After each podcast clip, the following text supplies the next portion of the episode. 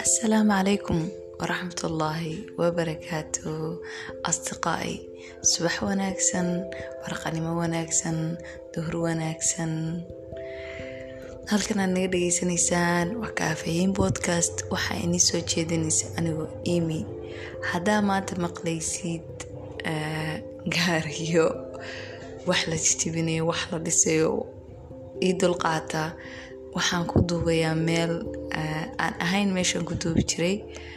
Safar baan ahay. Haddana saasoo tahay waxaa jeclaystay in aan inii soo duubo bodcastiga ma garanayo waxaan dareemayaa walow bodcastigu mar dhaweyta la aasaasay inaan idinku xiriir yeelanay. Fa mas'uuliyad iga saaran tahay wax walboo dhacaa in aanu aan wax soo duubo ku mahadsantihiin dulqaadkiina. Maanta xalqadeenna waxaan wax kaga taabanaynaa waxa la dhaho wada noolaanshaha. Fikradda waxay ka timaaday mar aan wada munaaqashoonaynay aniga saaxiibaday kabacdi waxaa ku iraahday maxay tahay hal shay oo jeclaan lahayd in ay bulshadeena wacyigelin ka haystaan? Waxay igu tiraahday shayga la dhaho wada noolaanshaha. Wada noolaanshahu waa yacni weedho wan micno weyn.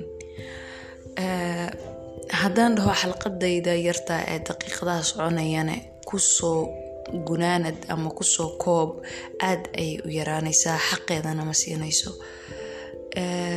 Wada noolaanshuhu haddaan in yar fasiro waxa weeyaan in dadku ay wada noolaadaan ayagoo danguud wada nool.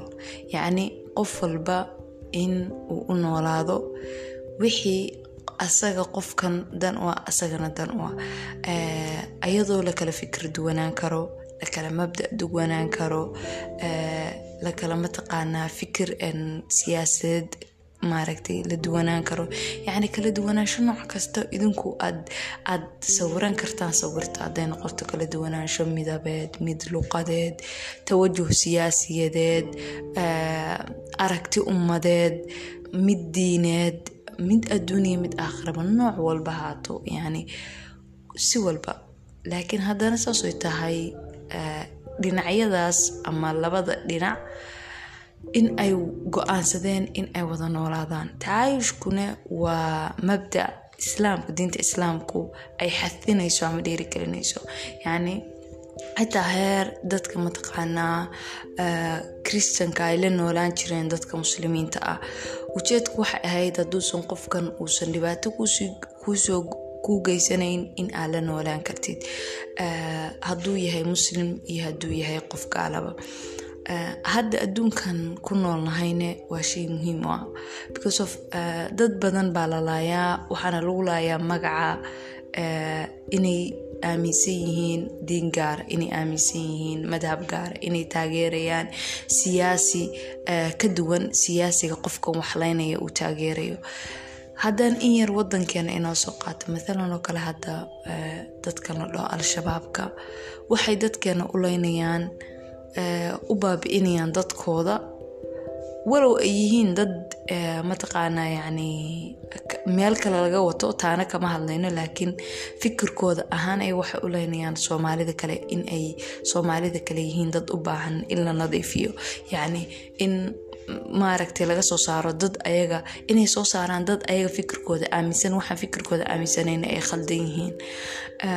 Siyaasadda wadanka dadka siyaasiyiinta ah ku jira mataqaanaa wadanka siyaasadiisa iyo hogaamintiisa waa saas mathalan oo kale meelaha ugu badan oo maaragtay wada noolaanshaha qaadan la wadankoo dhan wuu yahay. Haddana saasay tahay anu waxaan arkay hadda inala wadaa waxay tahay markii laga hadlaya somalilan iyo puntland wax walboo dhacay xasuuq walboo geystay haddaan ka soo tagno waxay tahay waxa meesha yaallaa in ay jiraan meelo la ysku haysto. Meelaha la ysku haysto labada waxaa isku haysta mataqaanaa maamul goboleed fa dadka yani meeshaas ku nool ayaa dhibaatada ugu badan la soo gaarsiinaya annagay naga tirsan tahay ma naga tirsan tahay. Puntland ciidankeeday soo diraysaa somalilan ciidankeeday soo diraysaa waa la isbaabi'inayaa ayagu waxay ka helayaan madaxweyne kasta. Wuxuu ka helayaa in uu maaragta uu sumcadiisa siduu isagu aaminsan yahay uu kor u qaado inuu laayo yani sumcadiisa wuxuu kor ugu qaadaya inuu laayo dadka masaakiinta. Iskuullada la burburiyaa goobaha caafimaadka la burburiyaa. Ayadoo haddana ay tahay meelahaas laysku haysto meelo labada dhinacba aysan u qaban waxba. Runtu waxay tahay waxba uma qabtaan iskuulo uma dhisaan xarumo caafimaad uma dhisaan haddana maalin walba isku laayaan hooyo miskiinada oo meel ku nool oo yaanyadeeda sa aaba miskiinoo yani ciyaalkiisa quutulyoom u soo raadinay ayaa la baabi'iya ilmo yaryara dhalinyaro soo koraysa. Yani mid walba wuxuu rabaa inuu kan kale ku qasbo in asagu uu meeshan u haysto. Xaqiiqduna waxay tahay anu soo arko labadooda midna meeshan iskama lahan dadka mataqaanaa meesha iskaleh ayaa iskaleh yani dad baa meeshan ilaahay ku abuuray dadkaabaa degan dadkaabaa iskaleh ayagaa ayaga u soo noqonaysa xorriyadda qofka ay raacayaan mataqaanaa stateka ay raacayaan ama gobolka ay raacayaan ayagoo soo noqonaysa laakiin ay cidna kama amar qaadanayso. Maadaama yihiin dad laga tira badan yahay waa la xasuuqaya. Labada madaxweyne ama madaxweyne kastoo labada gobol qabsado muxuu sameyn karaa wuxuu sameyn karaa inuu tanaasulo in yani meeshan la isku haysto laakiin la wada noolaado. Isagoo ka soo dego in yani madaxweynahan uu ka soo dego in maalin walba ciidankiisa uusa mataqaana uu u dirin meeshaas markuu uu galayo mataqaana doorashooyinka uu ku ballan qaaday in dhulka mataqaana uu xoreynayo ma garanayo ciddu ka xoreynayo ilaa damayabana ciddu ka xoreynayo laakiin madaxweyne walba wuxuu ku ballan qaadaa dhulkaas anigu waa inii soo celinaya anagay naga dhaceen puntland puntland anagay naga dhaceen somalilan saasoo kale waan ku dheeraaday laakiin waa arina mar walba isweydiin jiray. Leano anoo xasuustaa anoo yar xilli meeshaas laysku xasuuqay ay dad badan oo aan aniga garanayo oo ehelkayga ay ku baaba-een dhakhtaradii looga waayey qalab lagu badbaadiyo. Ilaa yani waxaa markaa jiraan filayaa koo iyo toban sano. Ilaa hadda waan isweydiiyaa maxay u wada noolaan layihiin maxay mataqaanaa dadkan isku fahmi layihiin intaas waa arrin yar oo siyaasadeed. Yani nooc walbuu noqon karaa wada noolaansha hadda ahaan aniga meeshan joogo waa wadan yani dadkiisu aada u tiro badan yihiin. Uu ka jiro kala duwanaansho siyaasadeed kala duwanaansho luqadeed mid cirqiyadeed mid mataqaanaa midabeed mid dhaqaneed mid diineed. Haddana saasoo tahay wixii ugu badnaa oona lagu dhigi jiray maada waxaa jirta la yiraahdo sifig baa la dhahaa ma garanayo.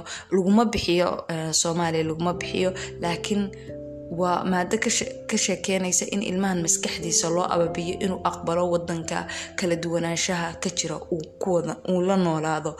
Waana maado aniga iga dhigtay qof fahmi kara inaan la noolaan karo yani dadka kale. Qofkan iga soo horjeeda inaanan ku cayayn yani midabkiisa inaanan ku caayayn qabiilkiisa inaanan ku caayayn mataqaanaa meesha uu ka soo jeedo siduu u koray wuxuu aaminsan yahay wuxuu qabanayo siduu u dhaqmayo cuntaduu cunayo. Yani waana wax anaga naga maqan haddaan soomaali nahay. Waxaanan leeyahay. Yani waa shay muhiima in lagu beero. Dadkeena waxay u maleeyaan in dadka soomaalida aysan u baahnayn inay wada noolaadaan sababtoo ah isku luqad baa nahay isku waxaa nahay dhaqan waxaa nahay isku mataqaanaa kalar ma nihin. Wadanka waxaa ka jira intaas oo mataqaanaa madhab diiniyeed baa ka jira. Waxaa ka jirta xer waxaa ka jirta akhwaan oo ismaqli karinba qeyb ka mid ah waxyaabaha diiniga ah ee la isku haysto. Yani labadaas qofkii labadaas labadaa reer ku kala jira. Reer ma ah yani labada madhab ee diiniyadeed kala wata. Kulligood oo dhow muslimiin laakiin yani waa furuuc. Waxaa rajeynaya inaan si qaldan ay fahmin. Yani soomaaliga xoogaa yar dhunsan labadaas mini kooxoodba aan iraahno kooxood kan midba midka kale wuxuu haysta inuu isugu qaldan yahay inuu asagoo diinta mataqaana uu ku sameynayo inxiraafaad ama uu asagu diinta khalkhalinayo inuu wadanka khalkhalinayo. Aniguna markaa labadooda fiiriya labadooduba aragti ahaantayda ma yani ani aragti ahaantayda sariixad noqdo uma arko inay sax haystaan sababtoo ah mid walba wuxuu haystaa wax aniga ahaan aan khalad u arko. Waana wajahada nadarkayga aniga waa aragtideyda aniga. Laakiin haddana saasoo tahay midna uma hayo cuqdad umana haynayo sababto mid wax ii geysta malahan kanne wuxuu aaminsan yahay buu la noolyahay kanne wuxuu aaminsan yahay buu la noolyahay laakiin dhibaatadu ayaga ma ahan. Heer yacni heer waxay gaadhay labada qof ee walaalaha ee labada koox ka kala tirsan aysan yacni aysan wada noolaan karin aniga aniga ah faamiligayga qeyb ka mid a labada kooxood bay ku kala jiraan. Fa yacni xiriirkoodu markaan aan wadanka tagoon arkay xiriirkoodu ma fiicna isma fahmi karaan yani waa eedooyinkii qeyb kamida isma fahmi karaan in ay wada noolaadaan sababtoo ah midba waxay ka tirsan tahay kooxda labada kooxood. Fa waan isweydiinayay yani ma yani dhiigoodii iyo siladoodii ka dhexaysay ayay ugu kala tegayaan. Yani kala tag kala tag weyn maaha laakiin ma heshin karaan. Saraaxadda deeta haddii qoys iskugu yimaado meel midba waxay isku daysata kale ina iyadu khaladka saarto idinku saanaatiin idinku saanaatiin. Meesha xataa ilmihii ay dhaleen ayay saameynta soo gaartay. Fa yani mowduucuu weyn yahay aad buu u weyn yahay. Hadday iskuulaadka xitaa hadday noqoto yani hadday noqoto maaragtay qoysasku siday ilmahooda u abaabinayaan. Yani iska daa wax kale annaga xitaa markaan dadkeena soomaalida aan tagno meelaha kale adduunka ka mid ah wancaynaa qofkaasi muxuu dharkaa u xiranya muxuu sidan u yahay? Yno adiga si kastoo qofkan u caydid iyo si kasta u maagtid xumaantaa sameynaysid qofkan inuu cadaawad adiga kuusii qaadamaha isma bedelayo. Fa marka yani waxay u maleynayaan in xumaanta ay sheegayaan cayda ay sheegayaan in uu qofkan isku bedelayo iskuma bedelayo ee adiga iyo dadkan aad matalaysidoo dhan wuxuu ka aaminayaa inay yihiin dad xun.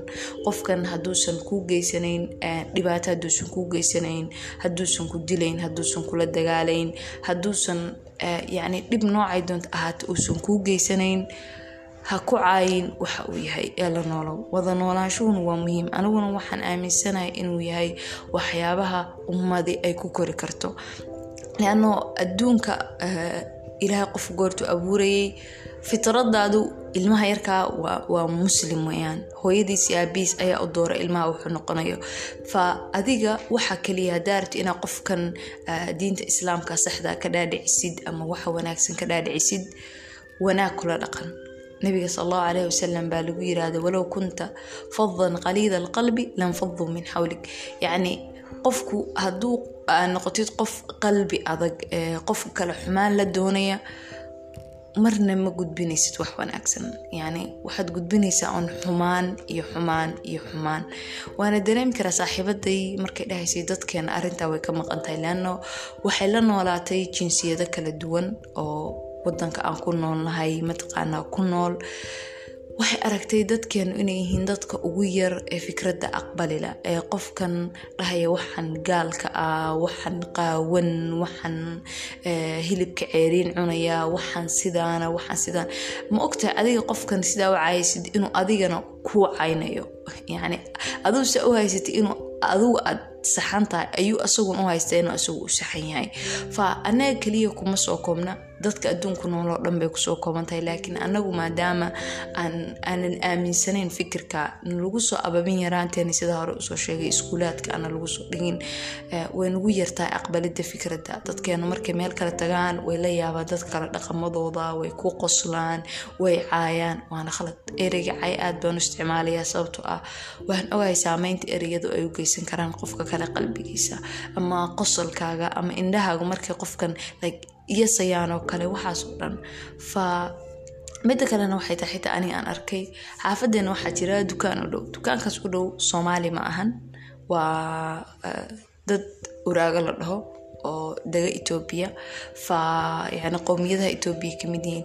Fa qofkaas yani dukaankaas ciyaalka yaryarka oo soomaalida oo imanaya si xun ayay ula dhaqmaan. Yacni dadka haddaa arki lahaydeen xitaa saykolojiyaddoodii iyo qaab dhaqankoodii way isbedeshay waxaa keenaya qof walba oo imaado waryaa uraagiyo waryaa ware way caynayaan si xun yani maalmii ugu horreysay anaa aqbali kari waayey.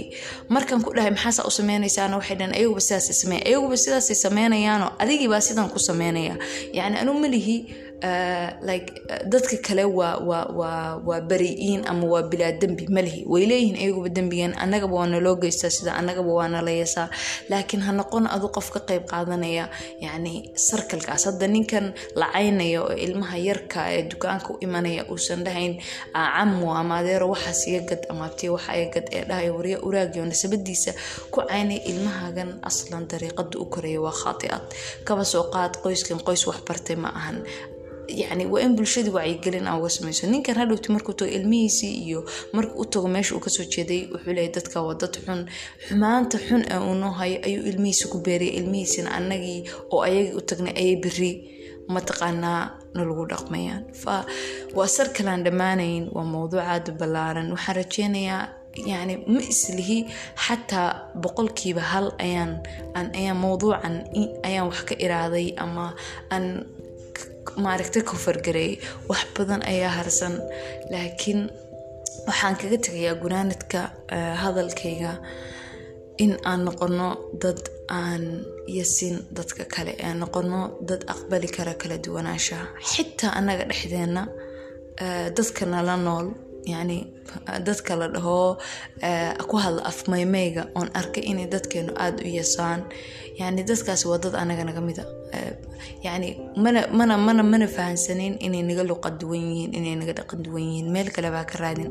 Annaga dhexdeena ayaa kala duwanaansho jira. Kala duwanaanshuhuna waa waxa naga dhigaya bili aadan waa waxa aan qofkan yacni dhaqankiisa iyo taariikhdiisa iyo qaafikirkiisa xiise noo gelinaya inaan barano aan taageerno ama yaan taageerin. Maanta xalqadeena intaas ayaan ku soo gabagabeynayaa. Intaa xalqadan xalqadeeda inala kulmay waxaa naga tagay sidaas iyo dumtum calaa amaan illaah wassalaamu calaykum waraxmat ullaahi wabarakaatu